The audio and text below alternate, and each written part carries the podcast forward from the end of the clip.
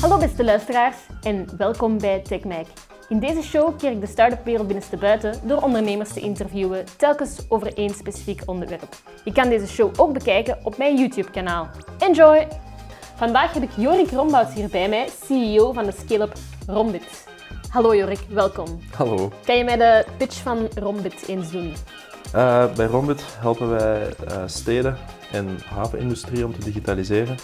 Dat doen we eigenlijk door uh, met behulp van IoT, technologie, um, door middel van IoT en, en ook andere technologieën en sensoren data te gaan enablen om dan artificiële intelligentie te kunnen toepassen op, op de business. Ja, en jullie doen dat al voor heel erg grote klanten, ja. neem ik aan. Ja, wat mij opviel een paar, uh, een paar jaar geleden, allee, eigenlijk nog niet zo lang geleden, was dat je zei van, kijk, we zijn nooit echt vertrokken uh, vanuit een businessplan, maar ik ben gewoon verder afgegaan op mijn evangelisatie-ideeën. Um, en je zei dat toen ook aan de hand van de code, als je God wilt laten lachen, dan moet je een businessplan schrijven. Dat was eigenlijk Michel zijn quote. Maar uh, ja, wij zijn nooit vertrokken vanuit echt een businessplan. En natuurlijk, we wisten wel wat we wouden doen. Hè. We wouden, um, hoe dat we begonnen zijn, is met webtechnologie eigenlijk extra functionaliteit gaan bieden aan bedrijven in de cloud die ze nooit zo snel konden hebben in hun eigen systemen en dan koppelingen terugleggen aan de eigen systemen. Um, maar het is moeilijk om een businessplan te maken van iets dat, um, dat nieuw is en dat nog onontgonnen terrein is. Ja. Um, omdat je kunt geen voorbeelden vinden. Allee, als je een voorloper bent, ja, je, je kunt niet zien naar waar dan nog nooit iemand is gegaan. Snap je? Ja. En ja, hoe maak je dat werkbaar als piepjonge start-up? Uh, zeggen van, ja, sorry boys, we gaan hier afgaan op onze ideeën en we gaan geen uh, businessplan... Dat is gelijk dat je zegt, dat is een heel stuk evangelisatie. Dat is, um, dat is mensen echt enthousiasmeren, er of warm voor maken um, en, en, en laten geloven in waar je mee bezig bent. Het is echt veel meer um, een sfeer creëren van dit is de toekomst, en dat gaat nodig zijn voor die bedrijven om te kunnen overleven. En dat bij iedereen naar voren brengen, uh, dan, dat is een oeroude traditionele business en we weten hoe dat, dat moet, zo en zo, zo we gaan er een businessplan voor maken. Oké, maar je zei ook van dat je zelfs geen financieel plan had. Hm. In het begin niet. Uh, natuurlijk, op deze moment heeft ons bedrijf wel uh, een financieel ja. plan. natuurlijk, nu weten we ook al veel beter wat onze markt is. er is veel meer focus weten veel meer wat we, wat we kunnen en, en hoe lang dat sales trajecten doorlopen. En nu hebben we daar veel meer ervaring mee. We hebben natuurlijk wel een financieel plan. Uh, in het begin was dat ook meer op buikgevoel van die markt interessant, uittypen, uitzoeken, lukt niet, die markt en zo. Uh, Stapsgewijs. Ja. Um, ja, uh, je zei het er net zelf, je bent een beetje de pionier, plak van IoT. Mm -hmm. um, zeker, los van, een beetje los van het feit dat je geen businessplan hebt, hoe slaag je dan in om je idee te verkopen aan andere stakeholders, werknemers, klanten, uh, VC's? Um, we hebben dat eigenlijk vooral gedaan via op de opbouw van netwerk. Ja. Um, dus we hebben echt gefocust op, op een bepaalde markt uiteindelijk. Uh, en dat is dan vooral Antwerpen. Ja. En dan de grote havenbedrijven binnen Antwerpen, de stad. Uh, en nu bij uitbreiding ook andere steden en gemeenten, maar om te beginnen echt Antwerpen. En daar um, via VOCA en via Stad Antwerpen een netwerk opgebouwd met die grote ondernemers. Heel veel van die handelsmissies meegedaan, uh, waar dat uh, bij die mensen ook een klik is. Um, ja, ongeveer twee, drie jaar geleden is er bij heel veel CEO's in, in de grotere bedrijven, maar ook binnen de overheid, is er uh, een klik omgeslagen van wow, we moeten digitaliseren. En daar komen ze van um, meer het principe met een IT-werk blijf er alsjeblieft vanaf wat ze twintig jaar lang gezegd hebben, naar nu in één keer, shit, we moeten digitaliseren of we missen toch misschien wel een boot. Ja. En die klik heb ik heel bewust met die mensen meegemaakt. En daar waren wij er altijd bij om het antwoord te bieden daarvoor. Te je, zegt, je zegt heel bewust meegemaakt, betekent dat dat je daar ook echt heel dicht bij je publiek stond? Ja. ja. ja. En hoe, hoe, hoe ziet het er dan uit in de praktijk? Um, wel, uh, plots zagen uh, van die CEO's, die zagen links een Alibaba een deal sluiten met Maersk. Rechts zagen ze um, een Amazon een Whole Foods opkopen en, en beginnen na te denken over zelfvarende schepen. En dan ineens komt het natuurlijk heel dichtbij voor hen. Want dan kan het een direct een impact hebben op hun processen, waar dat zij dachten van, ja, um, er, er, is nog lang niks dat ons kan bedreigen of onze business kan disrupten. En dat staat nu plots in één keer op een paar jaar tijd heel dichtbij.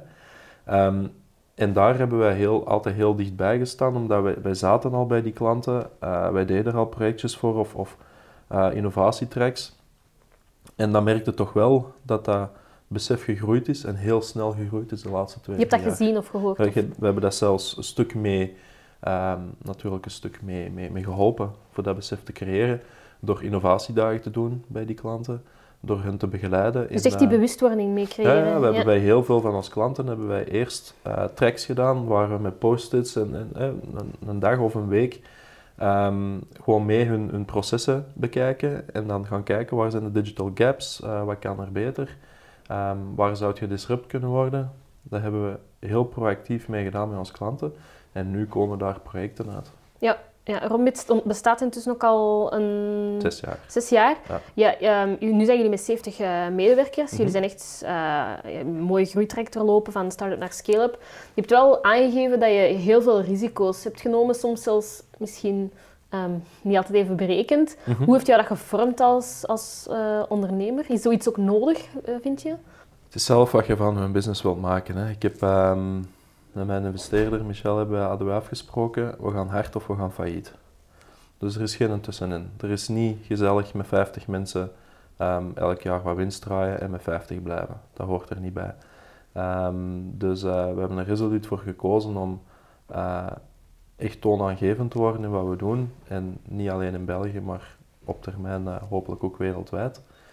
Um, en ja, dat vormt u natuurlijk voor een stuk, ehm, maar het is ook een stuk mijn karakter. Ja. Ik, het is niet dat ik nog gevormd moet worden op dat vlak. Ik ben gewoon iemand die gemakkelijker dan iemand anders risico's durft te nemen en durft te springen, zonder te weten wat dat hem gaat eindigen. Maar je hebt wel een beetje gebalanceerd ook op zo'n randje van de afgrond soms? Ja, ja we waren op een gegeven moment waren we bijna failliet.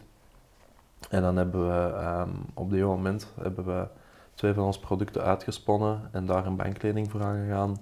Um, nog zelf voor een stuk gefund, banklening. En op die manier um, hebben we dan toch nog een half jaar kunnen verder doen. En dat was voor ons uh, de omslag, want uh, dat half jaar was niet denderend, maar het half jaar dat daarna kwam, in één keer begonnen alle contracten te ja. vallen.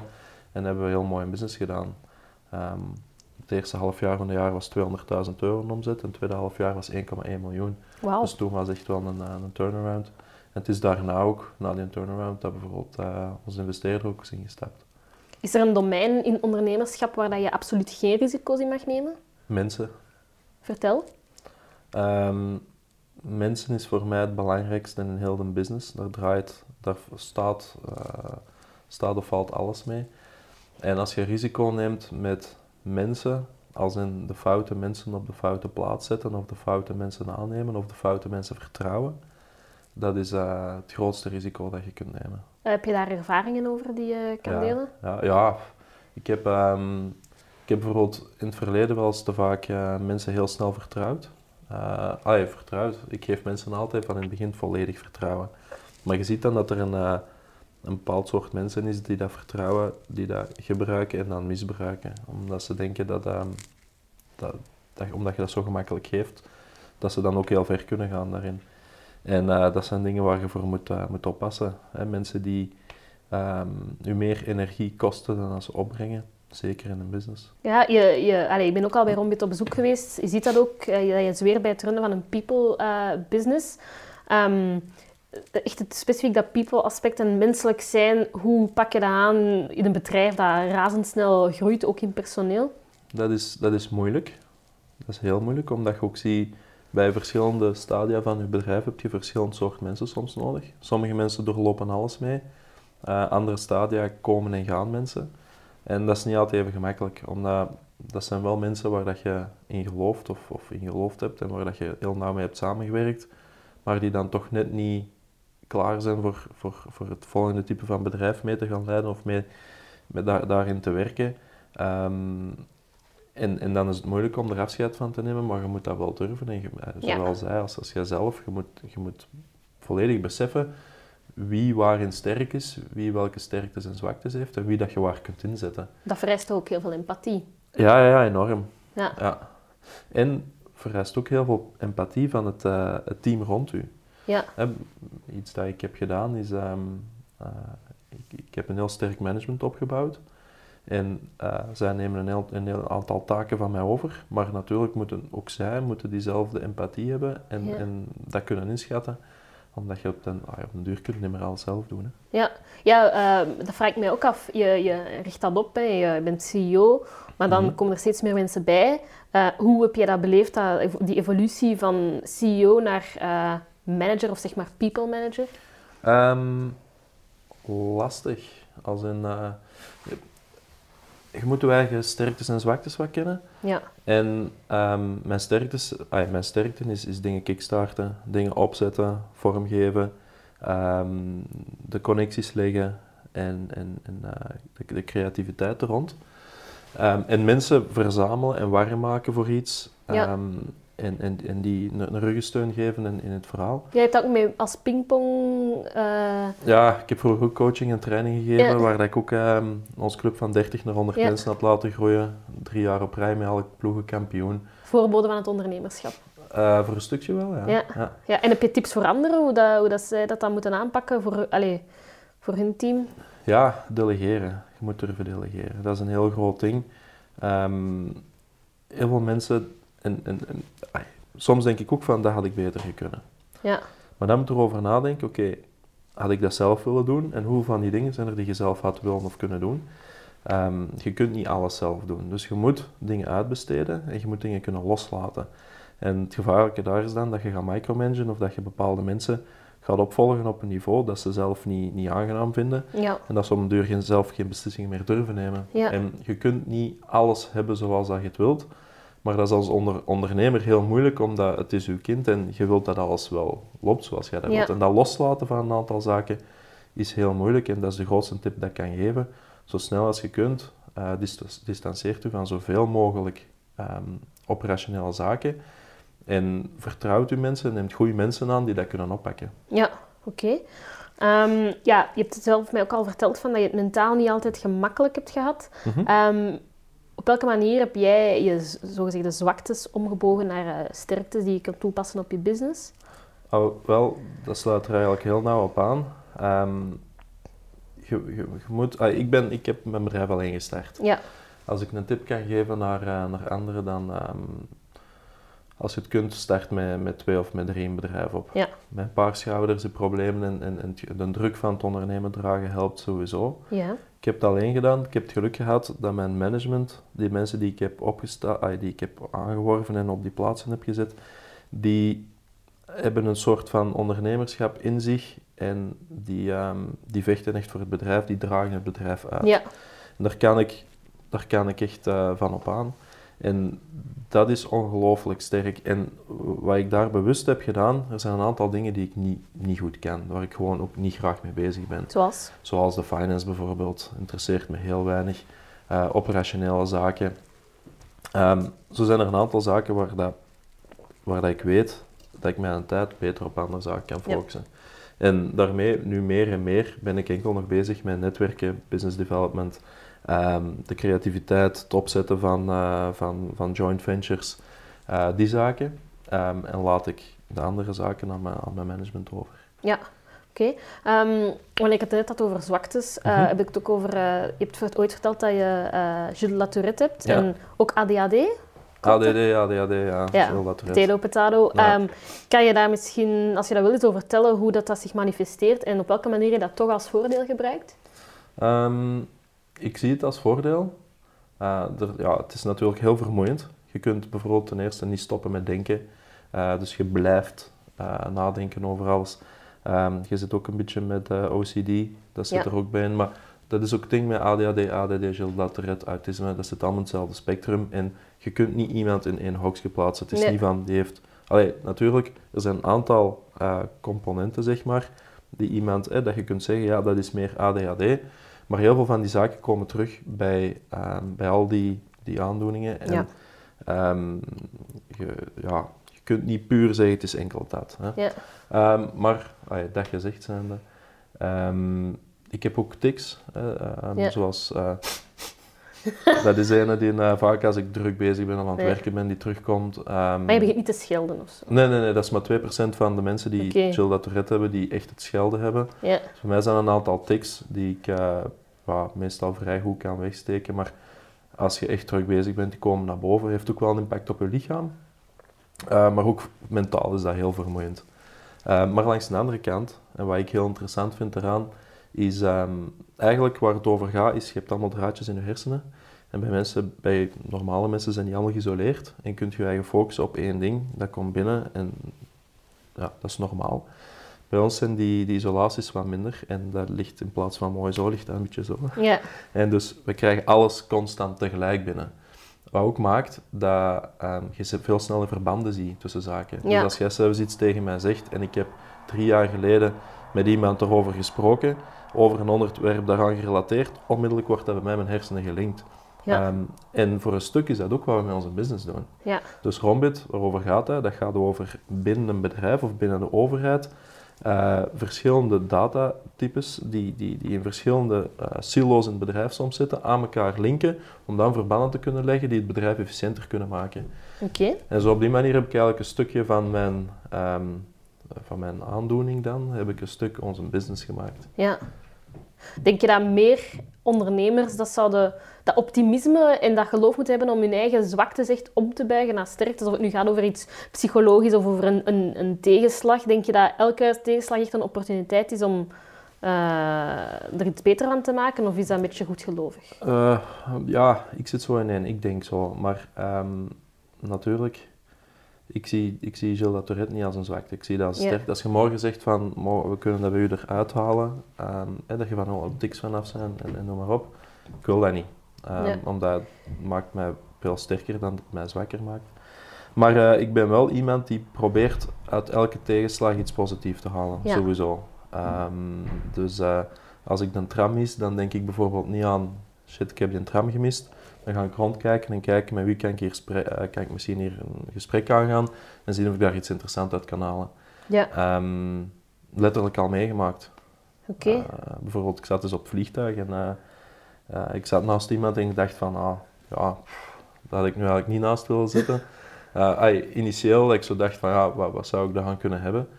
Um, en dan uiteindelijk bleek dat een super interessante man en hebben we er zelfs een project voor gedaan. Echt? Dus, ja, ja, Grappig. Echt waar. Allee, jong. Dus uh, zo moeten probeer altijd van elke situatie die, die, die een tegenslag lijkt, moeten proberen een opportuniteit te maken. Ja, je hebt ook al letterlijk gezegd van een um, Belgische onderneming, de aard van een Belgische onderneming is een zwakte en een sterkte tegelijk. Ja, dat is Kan je daar eens wat meer toelichting over geven? Ik ben er 100% zeker van dat als ik hetzelfde bedrijf in Azië of in Amerika had gestart, dat we momenteel twee, drie keer zo groot zouden zijn, veel meer gefund zouden zijn um, en dat een business een stuk gemakkelijker zou gaan. Zelfs gewoon als, als we in Nederland waren begonnen, ben ik er al zeker van dat het gemakkelijker had geweest. Maar um, langs de andere kant, door in België op te starten, ten eerste, um, zoals ook mijn investeerder Michel zegt, als je het in België kunt, kun je het overal. Het is niet gemakkelijk om in België business te doen. Uh, en het is letterlijk zo, als je het hier goed kunt en je gaat dan naar het buitenland, dan verschiet je ervan, dan ben je echt wel klaar. Ten Ja. tweede, wij Belgen hebben iets, um, we hebben iets minder ego als de rest van de wereld, iets minder chauvinisme ook, maar we spreken ook verschillende talen en we zijn gewoon van ons aan te passen. En um, we staan dan daarnaast ook nog eens gekend als goede ingenieurs. Dus dat maakt dat als wij in het buitenland komen, dat ze ons eigenlijk vrij graag zien komen. Ja, Hè, als Fransman in Duitsland iets gaan verkopen of als Nederlander in België is veel moeilijker dan als Belg in Frankrijk, Duitsland of Nederland. ja dat kan ik me perfect voorstellen. Um, je, zijn, je zijn ook al internationaal actief, Mhm. right? Um, wat ik me dan afvraag is, je bent een echte, je gelooft, ondanks het feit dat je bedrijf echt eh, gestoeld is op puur technologie, echt een people business. Hoe probeert je dat over te brengen naar andere culturen toe? Is dat ook iets dat werkt? Uh, als je diezelfde visie toepast op andere culturen, of is daar echt veel meer uh, bewijs wat je kunt met je technologie en dat is het?